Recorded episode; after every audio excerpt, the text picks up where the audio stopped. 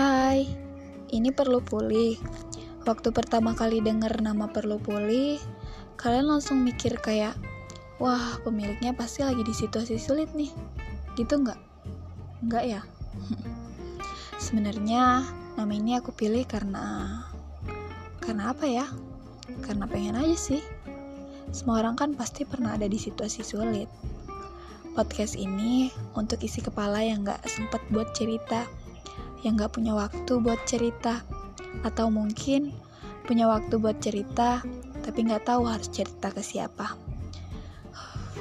Kita emang selalu takut ngebebanin orang lain, padahal kan kita juga butuh bercerita, dan sekedar bercerita seharusnya gak jadi sebuah beban buat pendengarnya.